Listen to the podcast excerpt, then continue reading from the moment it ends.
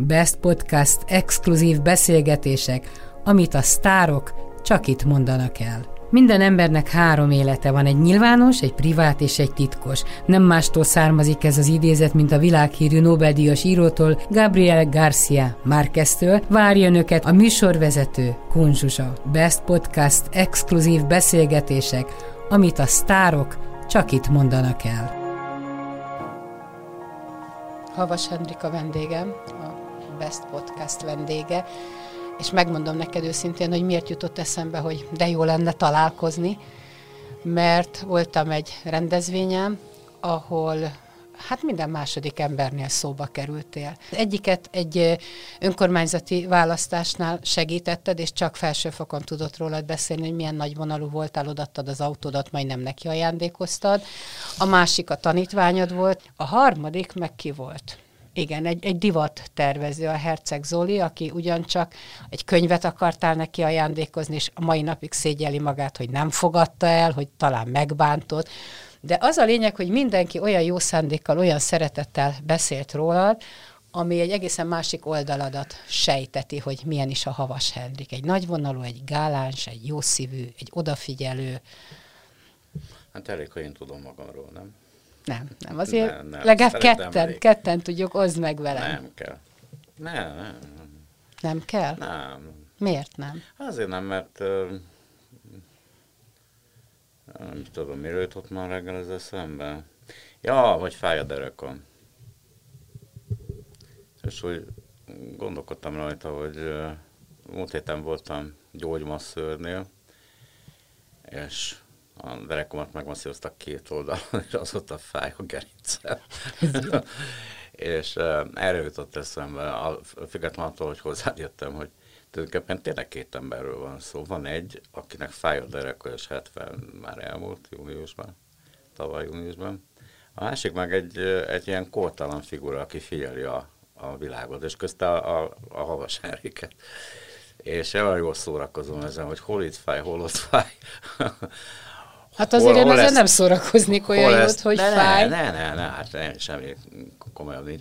Nem, egyszerűen figyelem magam, hogy otthon felejtem a telefonomat, hogy, hogy mi, mi, mi minden történik velem, és, és, és egyiknek nincs köze igazán a másikhoz. Hát én tényleg képes vagyok úgy figyelni magamat, mint hogyha nem rólam lenne szó. Na de ezek szerint mást is képes vagy úgy figyelni, teljes közelségből, távolságból, hogy hol van szükség némi kis segítségre. Ezen én nem gondolkodom. Meg kisoroszúban is nem, tudom, ez, hogy... Ez olyan hülyeség, ez, nem, ezen én nem gondolkodom, ez úgy spontán adódik.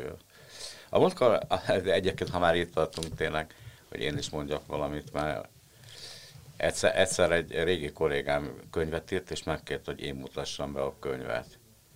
És aztán ott volt mindenki él és mozog. Hát ez már azért régen volt, olyan 8-10 évet talán. Na, ott volt mindenki, aki él és mozog, az összes, a vízingettel, a horvát ez az egész szakma ott volt. Én ott ültem, már persze elolvastam a könyvet, ha már nekem kellett ajánlani a, a könyvbemutatom. És úgy hallgattam, hogy miért engem választott. Kiderült, hogy annak idején nagy bizalommal voltam a, a, az anyaga iránt, és, és a műsorszervezésnek közöltem, hogy nem kell tőle külön kérni anyagot, ha küld, akkor azt betesszük. Aztán állítólag szóltam a főszerkesztőnek, hogy föl kéne hozni ezt a tehetséges vidéki fiút Pestre. Aztán állítólag szóltam az elnöknek, hogy adjanak neki lakást, de, de erről semmi nem rém lett. Minden nem ez az érdekes, azt akarom mondani, hogy ha már ilyen, ilyen, ilyen nagy öndicséretben vagyok, hogy de múltkor én, én komolyan nagyon meglepődtem. Már nem tudom, hogy hol, valahol sorban kellett állni, de tényleg nem tudom, hol. Vala, ja, de tudom, tudom, tudom, tudom. Disznóvágás volt Kisorossziban. Ilyenkor boldog-boldog talán jön, és akkor oda jön. De nem nálad? Ne, de hogy is, a főtéren a rászfogadóval szemben, és a környekről is jönnek kulkattól, vagy kolbásztól sem meg ilyesmi. És akkor oda jött hozzám egy hölgy, és a nyakamba borult, meg mit tudom én, és hát persze ez a legszörnyűbb. Emlékszik rám? Hát, túlus emlék. Mondom, nem, nem, nem, nem, nem, nem. Szóval 16 évvel ezelőtt, én akkor sem. Azt mondja, fent volt a Sziges pizzán, és gyerekekkel táboroztam. Mondom, igen. Aztán bent voltak a gyerekek a Dunával, és öt gyerek nem mert bemenni. Mondom, és És akkor maga azt mondta, hogy jó van, gyertek srácok, nálunk a, a kertben, az úszodában fülötettek, és akkor egész délután az az ő gyerek ott volt. Mondom, erre a saját házat saját kertjében. Igen, de tényleg nem emlékeztem rá. Na, és csak arra fölmondom, hogy időnként engem is meglepnek, hogy mi minden történt az életemben, hát fene sem emlékszik ezekre a dolgokra. Miért, miért lettél olyan, hogy én mindig megpróbálok nagyon szeretni, mert mindig felsejlik egy olyan nagyon szerethető oldalad, de aztán mindig valahogy hátra lépek, mert, mert nem engeded. Hogy te tudod, hogy miért lettél ilyen? Nem ilyen.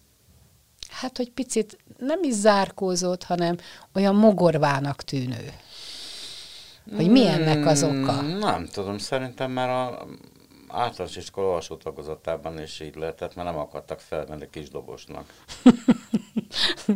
és Begurultál? A, a, ne, én nem, hát engem abszolút nem érdekelt. A nagymama érdekesítette föl magát, berohant az iskolába, és kiverte a valhét. Hát közölték vele, aztán később az útöröknek, meg a kiszbe, meg mindent, hogy hát nem vagyok közösségi ember, nem éneklek együtt a többiekkel, egyszer voltam egy napig építőtáborban, akkor is főztem a nagymamát, hogy, hogy én hazamegyek. Szóval nem, nem, nem, nem, nem. katonasságnál is így volt, tök egyedül voltam, de nagyon jól éreztem magam. Ez a jól érezted magad a katonasságnál? Hát pedig az az emberek meggyalázása, megalázása. Ezt mondtam neked, voltál katona? Hát nem, a férjem volt katona, meg hát vannak azért nekem barátaim, akik voltak katonák, sok jót. A katona történeteket persze elmesélik, de azért nagyon sok humánus dologot nem történik. Hát ez, ez, ez, ez most tipikusan olyan, ugye rengeteg könyvet írtam a börtönök világáról,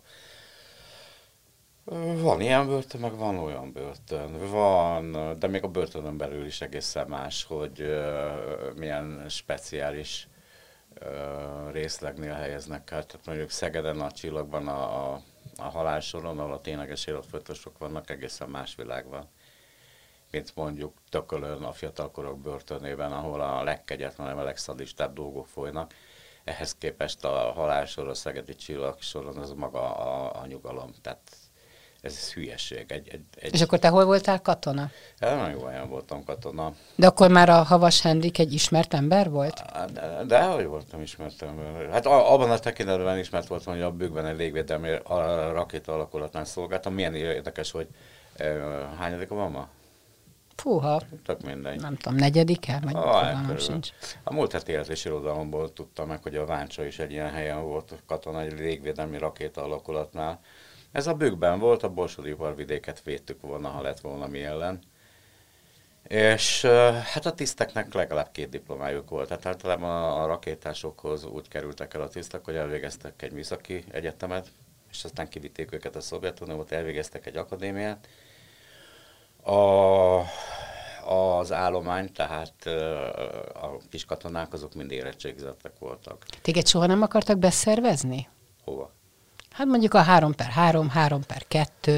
Hát olyan frekventált helyen voltál a Magyar Rádióban, hogy nyugodtan lehettél volna célkeresztben. Lehettem volna, de nem lehettem, mert hát erről nem szeretek beszélni, mert a havasné ennek nagyon nem örül. A lényeg az, hogy az anyósom a belügyminisztériumban jog, jog, jogász volt. Az állampolgárság és kegyelmi osztályt vezette, tehát gyakorlatilag a a Havasné mamája volt az, aki alezredesi rangval, mint jogász intézte a kegyelmügyeket, állampolgárságból való elbocsátást, aztán a névváltoztatást, aztán hozzátartozott még a személyigazolvány és az útlevél is. Következésképpen a, a, a mama mint, mint jogász. Szerintem életében nem volt rajta, de, de szerintem még főhadnagyként, amikor megszerezte a diplomát, akkor volt rajta egyenruha. Egy igazi jogász volt. Egyébként a Havasné húga is jogász volt. A Havasné az kozmetikus lenne. Hát mert elébe szólta a felvételt, akkor éppen szerelmes volt belém. De mindegy, a dolog lényeg az, hogy a mama miatt engem nem lehetett beszervezni. Akkor ilyen formában szerencséd volt. És a forróval mi volt? Tehát évtizedekig együtt voltatok, ő hova húzott? Ez, ez megint egy, egy ilyen mesehabba. 86-ban Együtt került, dolgoztatok, akkor úgy mondom. De akkor se évtizedekig, hanem néhány évig. 86-ban került fel Szolnokról, és volt egy legendás szoba, az első emeleten a, a Brody Sándor utcában a, a főépületnél jobbra, hogyha bejöttél, akkor a lépcsőn az első emeletig mentél, és akkor ott jobbra elkanyarodtál. ott volt a hírszek, vagy ö, balra, na, hogy is volt? Na, mindegy. Az első emeleten volt, a, volt egy, egy szoba a szervezéssel szemben, az volt az Ipperpál szobája, aztán később a Mester Ákos és a Györfi Miklósé, és aztán az enyém, amikor a hírszerkesztőségből átkerültem 86-ban a, a krónikához, és abban a szobában rakta be Győri Béla rovatvezető, aki aztán a miépnek lett a szóvivője, oda tette a forrót, aki följött szolnokról. Úgyhogy tök kerültünk egybe, és szerintem 5 évig, 91-ig dolgoztunk együtt, akkor, ő, akkor én már szégyeltem, mert akkor már naptévé, meg könyvek, meg iskolalapítás, meg amit el tudsz képzelni. És mi volt a szégyelni való benne? Az, hogy egy héten egyszer vezettem egy reggeli krónikát csütörtökön, és ugye a rádió munkatársaként nem volt megszabott, megszabva a munkaköri leíráson, tehát gyakorlatilag azt csináltam, amit akartam. Ez az egy hét, egy heti csütörtök reggeli reggeli krónika volt ez, ami, ami úgy állandó volt, és akkor már üheltem relatíve magas pénzért bejárni, úgyhogy én... Akkor... Na de azt hittem, hogy a forró miatt volt gondod, hogy a forrót nem kedvelted. Hát a forrót nem mondom, hogy nem kedveltem. A, a, a forró egy roppant élvezetes figura volt, őt is jó volt megfigyelni, mert abban az értelemben, hogy milyen húzásra jó voltak meg, hogy miket alakított meg. Hát igazából sok pénzt keresett nekem is. Ne, hát ez mikor volt ez, amikor kiderült, hogy aláírt és jelentéseket írt. Fú. Hát a rendszerváltás után jóval. De, hogy jóval, nem annyira jóval. Várjunk. Én 95-ben lettem az államtitkár, hat napra, de ezt hagyjuk, ezt már ezzel elmondtam. Szerintem a forró azon 96-97 körül lehetett, amikor a, a Magyar Nemzet a Magyar Nemzet írt erről egy cikket, és ott le is hozták az egyik jelentését, Kardos Ernőről írt jelentést, és az benne volt a Magyar Nemzet, hát egyből megismertem a kézírását. Fogalmam nem volt róla. Fogalmam nem volt róla. Voltak gyanús jelek, meg olyan furcsa volt, mert amikor, amikor úgy volt, hogy a Antal hivatott, és mondta 93 nyarán, valahogy így, hogy szeretné, hogy, hogy államtit, hogy na, hogy is? Miniszt, kormány megbízottként, nem tudom, mindegy, államtitkári rangban felügyeljem a rádiót és a televíziót, mert hogy ezzel a médiával nem lehet neki menni a választásoknak, mondta Antal.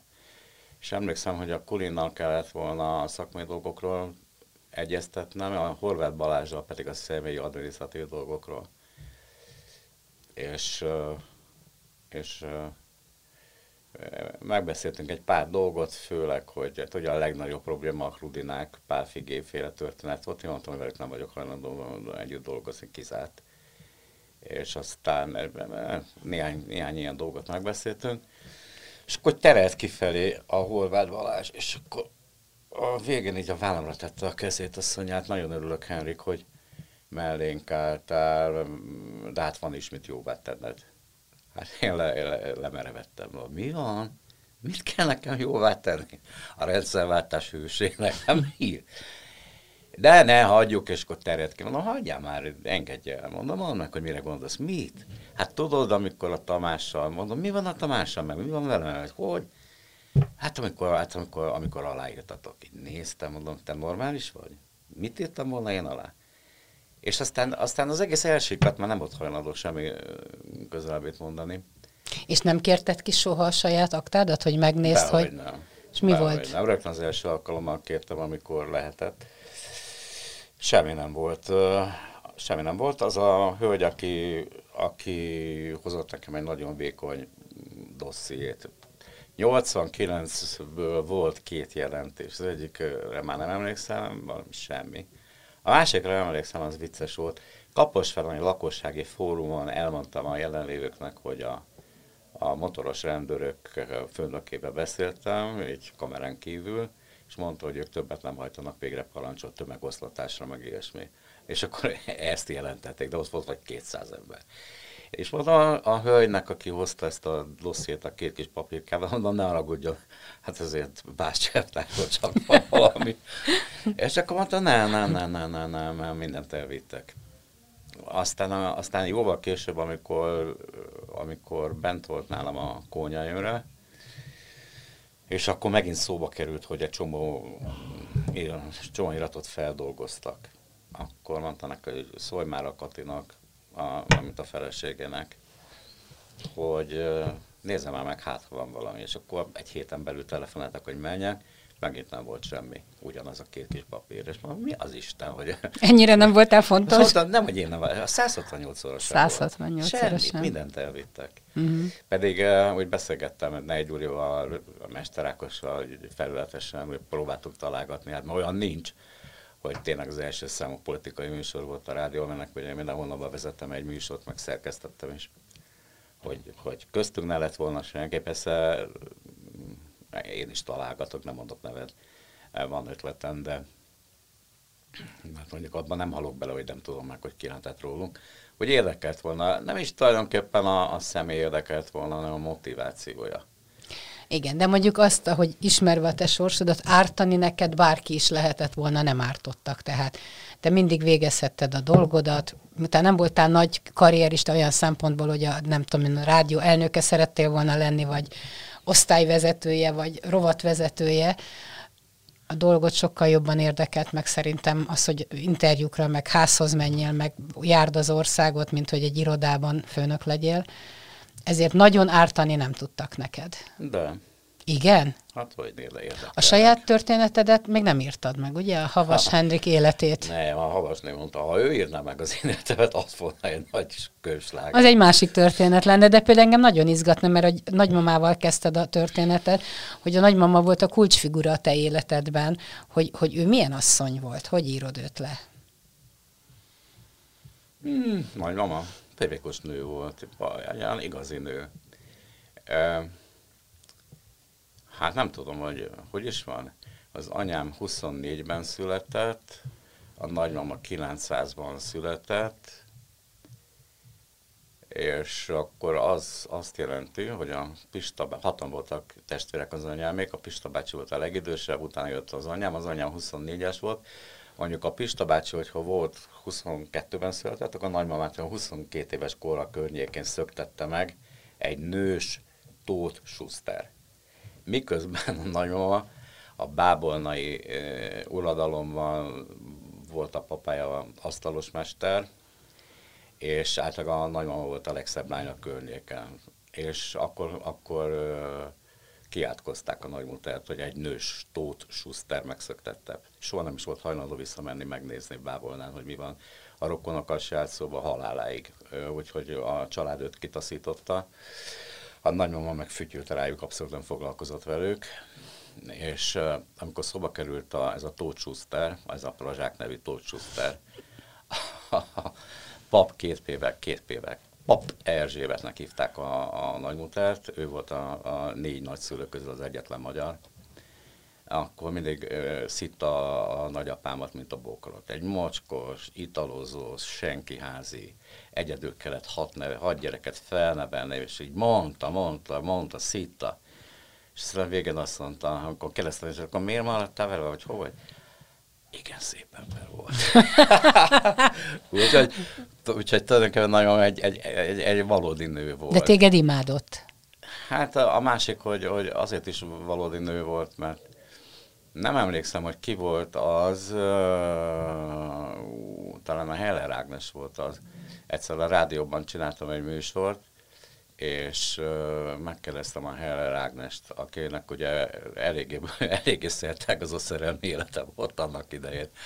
És mondtam, hogy Ágnes, mondja meg őszintén, tud egy nő egyszerre szeretni két férfit? És akkor ugye egy kicsit elgondolkodott, és azt mondta Henrik, igen. és egy férfi tud egyszerre kettő-három nőt szeretni? Azt nem tudom.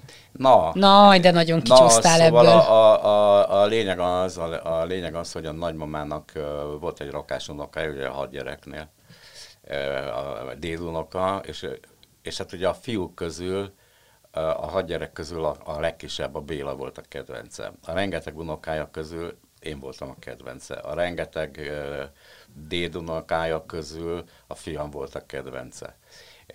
Ő mindig csak egyet szereted, de azért aztán a, a, a vérét adta volna, vagy hihetetlen egy, egy, egy soviniszta nő volt. De hát a fiam és én is élveztük, hogy, hogy nekünk ilyen, ilyen nagyanyánk, vagy déd nagyanyánk, nagyanyánk van. Úgyhogy köztünk egy nem csak lelki, hanem fizikai kapcsolat is volt. Tehát én már nagyfiú voltam katona. Éjfélkor indult a vonaton Miskolcra, nem laktunk messze Zuglóból, közel volt a keleti pályaudvar, és akkor este az anyámék már nézték az esti filmet, mi kint ültünk a konyhában, fogtuk egymás kezét, aztán amikor el kellett indulni, akkor elindultam, és akkor addig nagyon jó volt. Fogtuk egymás kezét másfél órán keresztül, aztán... Aludtál te vele? A gyerekkoromban? Igen, igen, persze, igen. Persze, persze, persze. Nagy dunyákkal le be lehetett mászni hozzá, persze, persze. Igen. De sokáig ért az anyai, meg a nő ágak nálatok elég szép hosszú életűek voltak. Hát az anyám az két éve halt meg, most lesz két éve, 94 évesen. A nagymama az korán meghalt, 87 évesen egy orvosi műhiba miatt. Egy ilyen idősek otthonában volt, és valami értelmérkezésszerűség lehetett, bekerült a kórházba, és nem nézte meg az orvos a, a, a leleteit, és nem tudta, hogy vízhajtót szed, és kiszáradt, és meghalt. Ilyen hülye banálisok miatt. Igen, nálunk mindenki. A, a, a nagymamának az unokatestvére, a Kálmán Mácsi, az tavaly halt meg 97 évesen. De akkor van esélyed a szép hosszú életre, mert jó géneket örököltél. Én emlékszem, hogy mikor még az anyukádról adtál közös képet, ott volt bent az otthonban, tehát nagyon, nagyon rendes gyerek voltál, hazavitted őt, látogatóba jártál, tehát jó, jó gyereke voltál. Meg jó Nem. unokája voltál a nagymamának. Ja, ja, ja, ja, ja. ja. Uh-huh. Uh-huh. Igen, azt hiszem, igen. Na.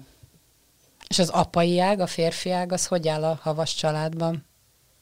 Mm, nem tudom. Amikor a pszichiátriáról írtam könyvet, hozzáteszem egyébként az egyik kedves könyvem, a pszichiátriáról írtam. Ez egy jó téma. Hát majdnem 8 hónapig jártam a ripótra, és hát nagyon tanulságos volt, rengeteg emberről megismerkedtem, és rengeteg élményért. Ezért jó nekem ez, az, ez hogy ez, ez a szakmám, úgyhogy hú, történész lettem volna. Jézus, a kéziratokat bogarázhatnád hát, a Széchenyi könyvtárban. Hát nevetni fogsz. 90-ben a rendszerváltáskor én úgy gondoltam, hogy mi, akik 79-ben kerültem a rádióban a politikadások főszerkesztőségére, gondoltam, hogy ránk már nem lesz szükség. Aztán gondoltam, most ügyvéd legyek, vagy íz, és akkor beiratkoztam a Pázmányon történelem szakra. A két világháború közti Lengyelországot akartam kutatni, engem az nagyon érdekelt a Piłsudski rendszer, meg hogy egyáltalán.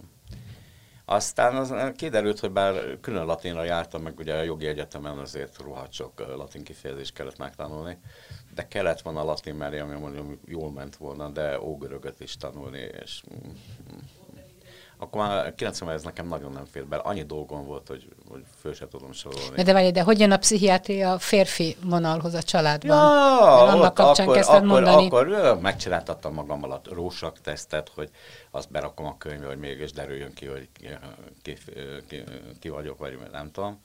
És akkor rengeteg pszichológussal, pszichiáterre beszélgettem, és aztán, aztán később már annyira, annyira fejlődtem, hogy már megtartott, előadást is tartottam a bipoláris depresszióról a pszichiáterek. De neked csak sima depressziód van, nem? Vagy nem, bipoláris? bipoláris. Uh-huh.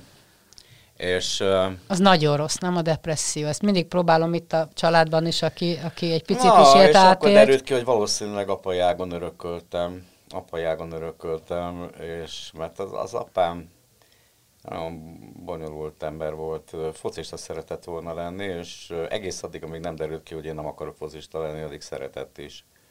Aztán, amikor kiderült, hogy engem a futball rohadtul nem érdekel, Viszont a kosárlabda igen, tehát az, hogy nem rúgtam a labdát, az egy dolog, de hogy pattogtassam, abban az apám simán belehalt. Most nem mondott komolyan? De. Ez annyira megviselte? Teljesen, teljesen. De hozzá kell tennem egyébként, hogy hogy az anyám az nagyon büszke volt, hogy a lánya diplomás közgazdás, ez sikeres üzletasszony.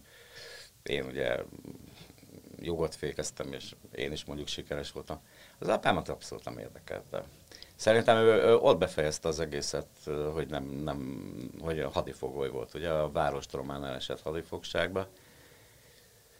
és uh, kikerült Ukrajnába. Rohadt mázdai volt egyébként, hogy relatíve közel volt a magyar határhoz, mert 47-ben a Rákosék megígérték, hogy hazahozzák a hadifoglyokat és a választások előtt kamuból hazahoztak egy pár ezret, és mert a Fater relatíve közel volt Ukrajnában, úgyhogy az első csoporttal haza tudott jönni, de hát 50 kilós, 40 kilós, tehát ne esélye nem volt arra, hogy NB1-ben focizzon, és hát ez lelkileg nagyon megviselt. Hát jó, viszont milyen szuper kesztyűs lett belőle, nem? Hát a világ minden táján ismerték a, az ő kesztyűjét, hát amit volt. Soha nem mondtam, meg szerintem ő se, de... De ilyeneket de, hallottam. De, igen, igen, igen, olimpiákra készített lovas kesztyűt német meg osztrák versenyzőknek síkesztyűt. A lényeg az, hogy nagyon sikeres volt a szakmájában, és ebben a tekintetben én is ez az egy talán, ami, amiben példát mutatott, hogy, hogy legyél valamiben tehetséges, és akkor majd boldogulsz. De hát, de hát igen. És elismerte, ami, ami te lettél, és büszke volt rád? Nem, nem is érdekelt. Ha focista lettem volna, akkor foglalkozik vele, de a hugommal se, egyikünk se.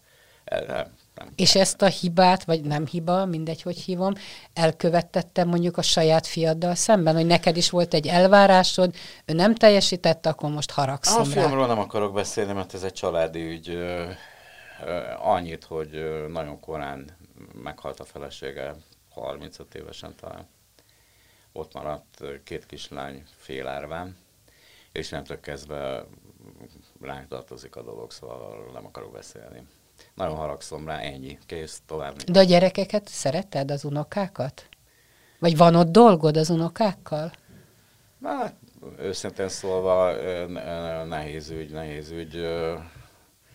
A fiam két lányával a feleségem tart valamilyen feletes kapcsolatot. Az igazság az, hogy amikor meghalt a mama, akkor a anyai nagyszülőköz került a két, két lány és hát, hogy mondjam, nem volt felhőtlen a, a, a, a kapcsolat azokkal a nagyszülőkkel. Tehát nagyon különböző módon látjuk a világot, nagyon különböző helyzetben vagyunk, és ők, vagy ők, vagy mi így együtt nem tudtuk feldolgozni ezeket a különbségeket. De tényleg erről nem akarok beszélni, mert hm. mindegy, a dolog lényeg az, hogy a, a Spanyolországban van a lányomnak a két gyereke, a Zsófi most már... Hát meg a lányod is, az egész család ott van.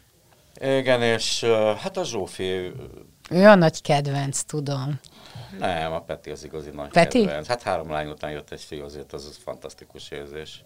Nem, hát a konfliktusok abból vannak, amit tettem egy megjegyzést, hogy hát a Peti nem olyan, nem, nem zseni, mint a nővére, de szép. Na, ebből aztán lett óriási botrány, hogy a Peti is okos, nem zseni, Hát igen, a, a Zsófi az, az, az zseni kategória. Hát nem azért, mert 11 évesen már 140 akárhány volt az iq hanem most kint volt Kanadában ösztöndíjjal.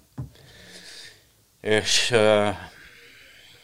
és megnyerte a matematika meg a történelmi tanulmányi versenyt, úgyhogy az iskola saját költségen ott akarta tartani, hogy képviselje ezt a kanadai sulit, Ottavában volt egyébként. De azért te nem csak azért szeretsz valakit, mert nagyon okos, nagyon intelligens, akár családban, akár családon kívül.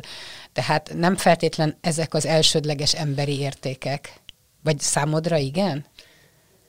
Mm, mm, igen. Vagy nem. Nem tudom. Nem, hát a, a Zsófinál összetartoznak ezek a dolgok, mert a, a, Zsófi, a Zsófival rengeteg közös élményünk volt, amik ki nem mentek Spanyolországba, és utána is. De az, hogy a, most az például, ugye az a lányom érdeme, hogy ő egy Martin Luther Kingről elnevezett angol iskolába jár Spanyolországban. Köszönhetően ennek van két felsőfokú nyelvvizsgája, 15 évesen spanyol-angol anyanyelvi szinten beszél mind a kettő. Tehát angol iskolába jár. Csak a matematikát tanulják spanyolul, meg az ő nyelvet és az irodalmat, minden más angolul.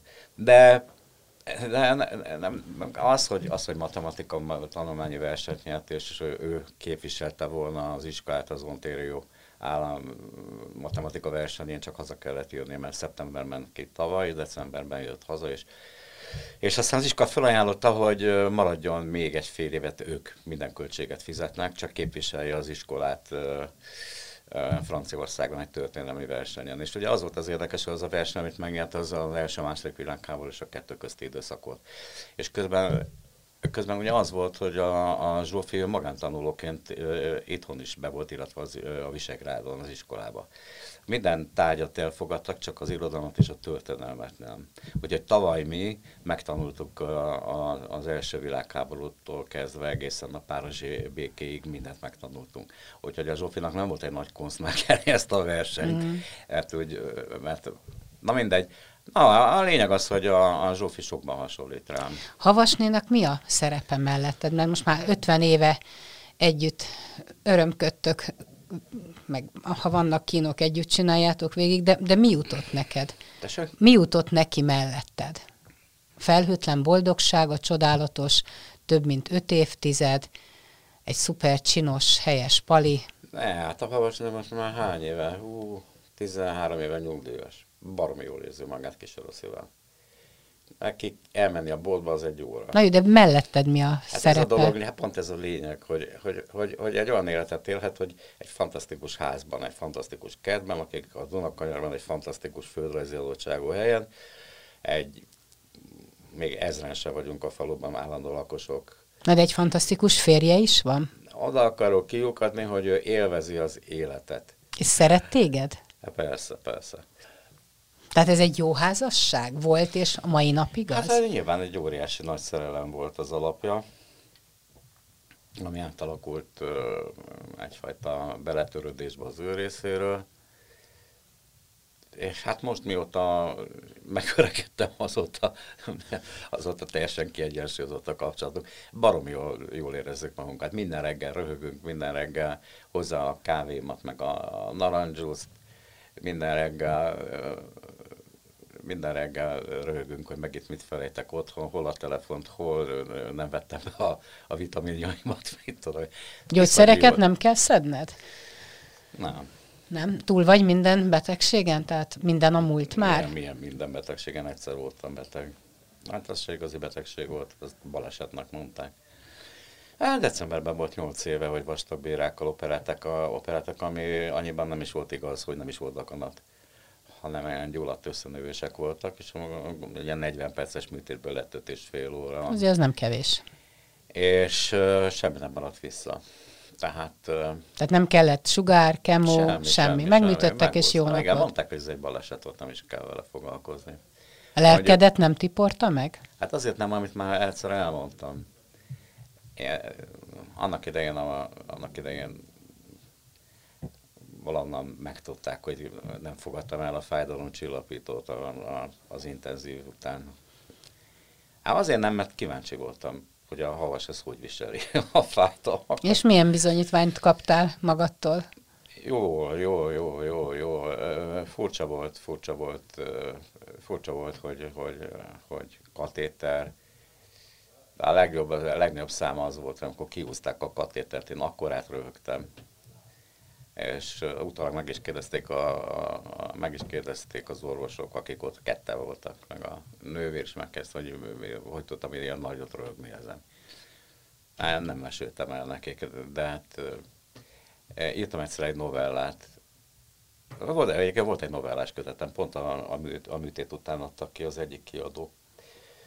A Ronda lett a, a borítója. Na mindegy és azt hiszem ebben, a, ebben, ebben volt, volt, volt nem, nem. Kriminovellákat írtam, de nem a saját nevam alatt jelent meg. És ahhoz kellett nekem valami a, a szadomazó szextechnikákról. Egy amerikai élvonalbeli színész, Tarantino színész meghalt Indiában fulladásos halált halt, és egy szállodai szoba szekrényében találták meg. Ez marhára tetszett ez a dolog, és gondoltam, erről írok egy kriminovellát. Egy egész könyvet írtam, de mondom, nem a saját nevem alatt jelent meg, hülye voltam. Na mindegy.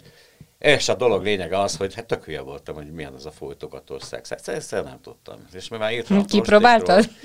Írtam a prostikról, főztem a földi ágit, aki annak idején is segített, hát nem ingyen, de segített. És akkor összehozott egy ilyen szadomozó stúdió tulajdonos nővel, és akkor egy egész estét beszélgettünk e, különböző technikákról, meg Na de ilyet kihagyni, hazamész, azt mondod, havasnének, megpróbáljuk a folytogató szadó aha, mazó szexet. Aha. Mit szólnál hozzá, édesem? Hát azt hiszem, hogy a havasné csak lesett volna és lehúzott volna egyet nekem, de e, most ez hogy került szóba? Nem egészen tudom, hogy hogy került szóba. A folytogató szex? Azt nem tudom, mert minden út ide vezet. Nem, elfelejtettem. Ez mindegy lényegtelen. A betegséget kapcsán kezdted, hogy kíváncsi voltál, ja, hogy igen, hogy igen. éled és meg ő, a ő mesélte, hogy mennyi, mennyi idióta barom politikus van. És ő mesélt, hát általában persze ők diszkrétek. Tehát, tehát nevet nem mondanak. Legfeljebb egyszer volt olyan, amikor volt egy figura, akit minden héten nagyon meg kellett verni és mivel a stúdió közel volt a parlamenthez, csak ebédődőben átugrott egy verésre hozzá ez a koma, és, és akkor ott sem mondott nevet. És akkor rákérdezt. Ja, most mondtam, és ha rákérdezek Bólint? Hm. e, egyből eltaláltam, hogy nem azért. Na, és akkor a lényeg az, hogy egy másik vezető politikusról mesélte, hogy, hogy katétert kellett neki feldugni, és mivel ő két évet végzett orvosi egyetemen, csak egy tragédia miatt ott kell, abba kellett hagynia, tehát elég jó ismeretei voltak, és mondta, hogy ilyen átmétérő katétet nem vállal, mert a, a, a péniszben olyan erek vannak, hogy sicsút el lehet vérezni. És akkor ez a baromállat földugta magának, és richtig elöntötte a vér a szobát. És akkor a sofőrjelnek szólt, és akkor akarta hívni a mentőket, és akkor a sofőr elvitte a János kórházba, és ott elintézték a dolgot, összevarták, mit tudom én. Na és a lényeg az, hogy én, én, én egyszer nem értettem. De hát a, a, ettől a stúdiós nőtőse vártam igazán választ arra, hogy most mi abban a buli, hogy ilyen kurva vastag katétert feldugnak. És hát én a katéterről se tudtam és Én tudtam, hogy idős emberek, ha nem tudnak pisilni, akkor tudom én. Na és akkor, amikor intenzívre fölhoztak, és arra ébredtem, hogy katéter van. és hát ez se különösebben foglalkoztatott már, most mit, hát jó, és aztán amikor kiderült, hogy meggyógyulok, meg minden, és akkor kiúzták a katétert, akkor rögtem egy rohadt nagyot, mert iszonyú kélyes. Meg kell, hogy mondanom.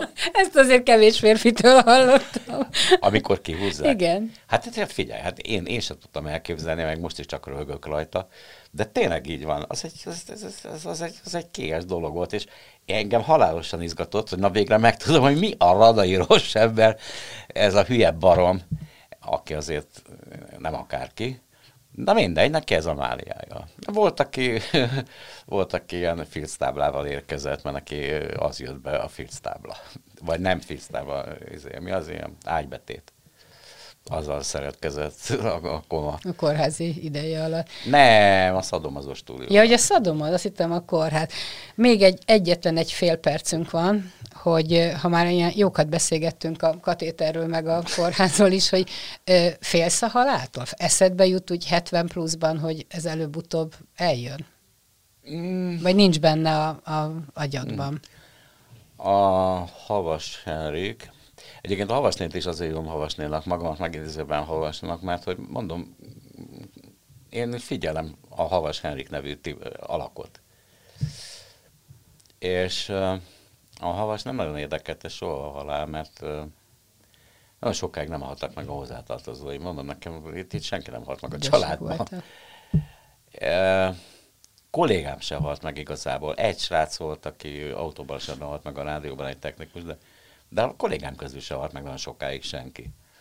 És aztán, és aztán kétszer végigcsináltam két nagyon kínos halált, ilyen, ilyen nyomorúságos halált a Bajorimivel, nagyon sokat szenvedett, és aztán ami, ami, ami, ami, ami még szörnyű volt, a, hát két még szörnyű, mind a kettő szörnyű volt az acélbandi. Most egyébként ezt el kell mondanom, mert erről senki nem beszél, pedig hát ez Szóval az acél abba ad bele, amit műveltek vele. Az történt, hogy ez a Kis László féle úszóedzői botrány volt. És a mellé állt a Kis Lászlónak, nem? Nem, de hogy állt a Kis László mellé? Hát ez a borzasztó az egészben, a francot állt mellé. Az van, hogy nekünk volt egy társaságunk, és uh, időnként együtt ebédeltünk. És ennek a társaságnak volt egy hölgytagja, aki nagyon közel állt a Kis Lászlóhoz. És amikor ez a sztori kiderült, hogy a Kis László a, a Margit szigeten az úszó kollégiumban megerőszakolt egy lányt, akkor ez a hölgy, aki nagyon közel állt ehhez a társasághoz, az úszoda világához, mit tudom én, azt mondta, hogy hát azért, mm-mm, hát azért nem egészen úgy volt ez a történet, mert hogy ez a lány, ez bizony körbelátogatta a, kollégium, a kollégiumban a fiúk szobáit, stb. Ha most nála autentikusabb ember ezt nem mondhatta volna. És nyilván nem fogom a nevét mondani, és hogy miért volt autentikus, de mindegy.